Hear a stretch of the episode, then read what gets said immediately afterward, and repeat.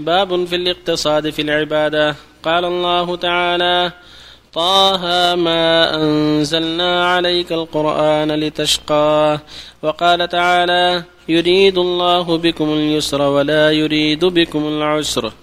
وعن عائشة رضي الله عنها أن النبي صلى الله عليه وسلم دخل عليها وعندها امرأة. قال من هذه؟ قالت هذه فلانة تذكر من صلاتها.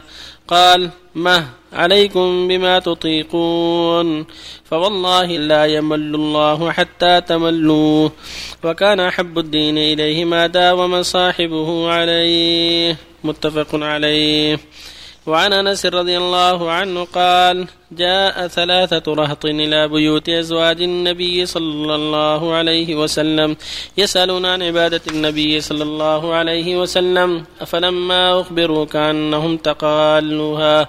وقالوا أين نحن من النبي صلى الله عليه وسلم؟ قد غفر له ما تقدم من ذنبه وما تأخر. قال أحدهم أما أنا فأصلي الليل أبدا. وقال الآخر وأنا أصوم الدهر ولا أفطر.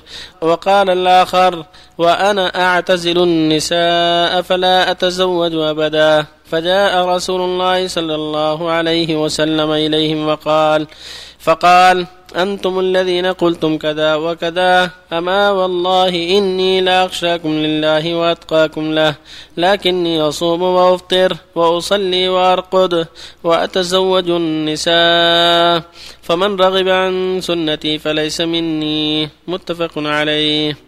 وعن ابن مسعود رضي الله عنه أن النبي صلى الله عليه وسلم قال هلك المتنطعون. قالها ثلاثا رواه مسلم. بسم الله الرحمن الرحيم الحمد لله وصلى الله وسلم على رسول الله وعلى آله وأصحابه.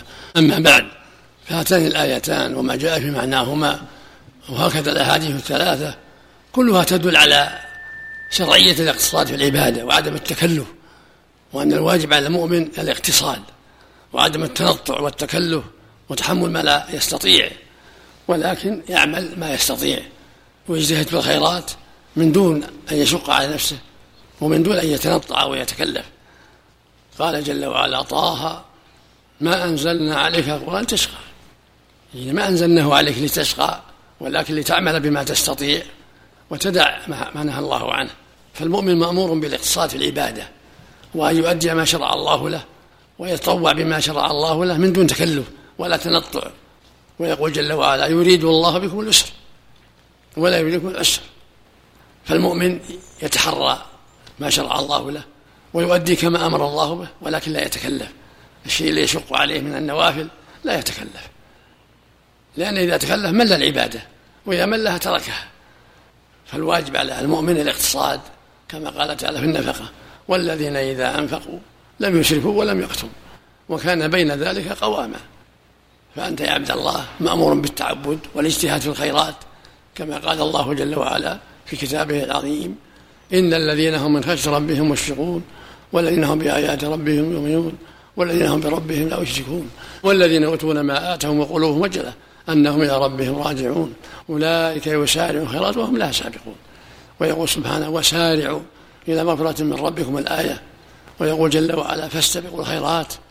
ويقول سبحانه سابقوا إلى مغفرة من ربكم وجنة عرضها كعرض السهر المؤمن مأمور بالمسابقة ومسارعة الخير. لكن مع التحري عدم المشقة وعدم التكلف. في الحديث عائشة رضي الله عنها امرأة دخلت على عائشة رضي الله عنها ذكرت من صلاتها وصومها فجاء النبي فأخبرته صلى الله عليه وسلم عائشة فقال مه اكله من ما تطيقون. فإن الله لا يمل حتى تملوا. بعض الروايات أن بعض النساء كن يتخذن إحبال يتعلق لها في وقت التهجد بالليل تعلق بالحبل حتى تنشط. فقطع النبي الحبل وقال تكلفوا ما تطيقون اعملوا ما تطيقون. فإن الله لا يمل حتى تملوا. فالمؤمن يتعبد في الليل في النهار يصلي ويصوم ويتصدق لكن لا يتكلف. عليه بالتوسط في الأمور وعدم التكلف وعدم المشقة.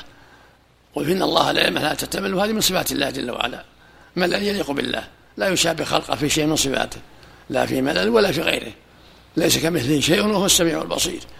والمقصود أن المؤمن يجتهد في العبادة ويتحرى الخير ولا يتكلف. وفي الحديث الثاني أن جماعة من الناس سألوا أزواج النبي صلى الله عليه وسلم عن أعماله من الصوم وغيره فكأنهم تقالوا ذلك. كأنهم رأوا أن العمل ليس بالكثير. وقالوا إنه مغفور له ما تقدم من ذنبه وما تأخر. أما نحن على خطر. فقال بعضهم أما أنا فأصلي ولا أنام يعني أسهر الليل. وقال الآخر أما أنا فلا أتزوج النساء.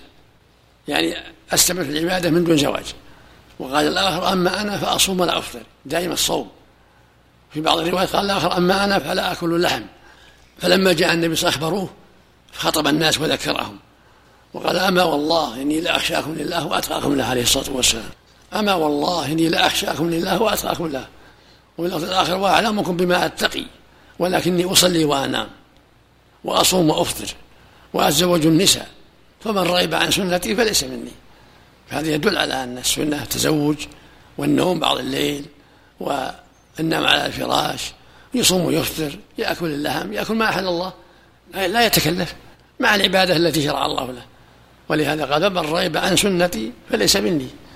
فالواجب على أهل الإيمان التأسي بالنبي صلى الله عليه وسلم والحذر من الغلو والتكلف وما يؤدي إلى المشقة التي نهى الله عنها سبحانه وتعالى. وهذا حديث مسعود يقول صلى الله عليه وسلم هلك المتنطعون التنطع والتكلف والتشدد. يقول صلى الله عليه وسلم هلك المتنطعون هلك المتنطعون هلك المتنطعون.